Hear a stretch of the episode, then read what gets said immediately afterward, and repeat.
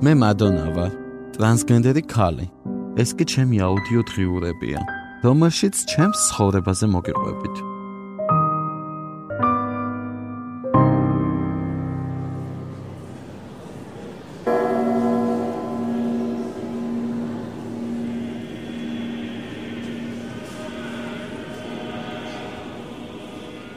რელიგია ის საკითხია, რაზეც პირველი კითხვები დავსვი.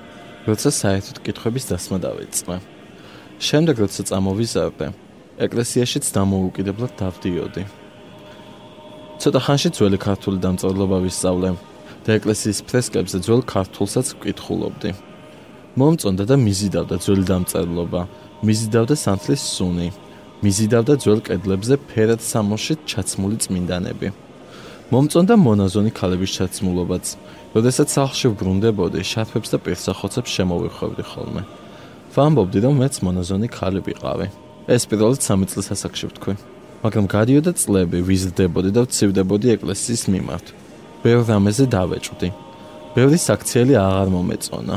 მე რელიგიური წიგნების კითხვა დავიწყე. იქ სულ სხვა რამე წერა. ჩემს გარშემო ეგრეთ წოდებული მოწმუნე ხალხი კი სულ სხვანაირად იქცეოდა. რაღაც არ ემთხვეოდა. 14 წელს ასაკში ვთქვი, რომ ათეისტი ვიყავი.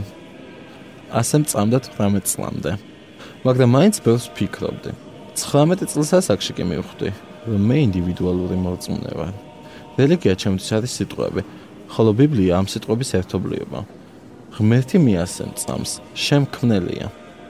და მწამს, რომ ის ჩემგან მხოლოდ ერთადერთ რამეს მოითხოვს. არ დავაზარალო ის, რაც მისი შექმნილია. ეს პლანეტა, ადამიანი, ცხოველი, ფრინველი მიყვარდეს მისი შექმნილი სახლ და მოვუფრთხილდე მას. მე ადამიანს არ მოუკლავ, ამის უფლება ჩემთვის არავის მოუწია. მე არ მოვიპარო, რადგან სხვისი ჩემი არ არის. მე არ მინდა ვიყო მეძავი, რადგან ეს ჩემთვის შეურაცხყოფელია.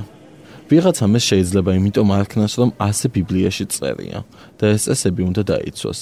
წესებს უნდა მიყვეს. მაგრამ სინამდვილეში ასე ფიქრობს, არ ვიცი. ეკლესიაში მივდივარ ხოლმე. მომწონს იქაური გარემო, საგალობლების სანთლების სუნი. იქ უმშვიდდები. იქ თქვენ ვერ მხედავთ, რადგან შეფუთული და შენიღბული შევდივარ ხოლმე. მირჩენია ვერ მიცნონ ვინ ვარ.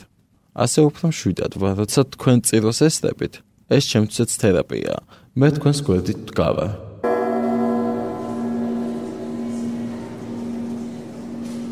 შემდეგ ბლოკში მე მოგიყვებით იმაზე, თუ რას ვიზამდი, ძალაუფლება რომ მქონოდა.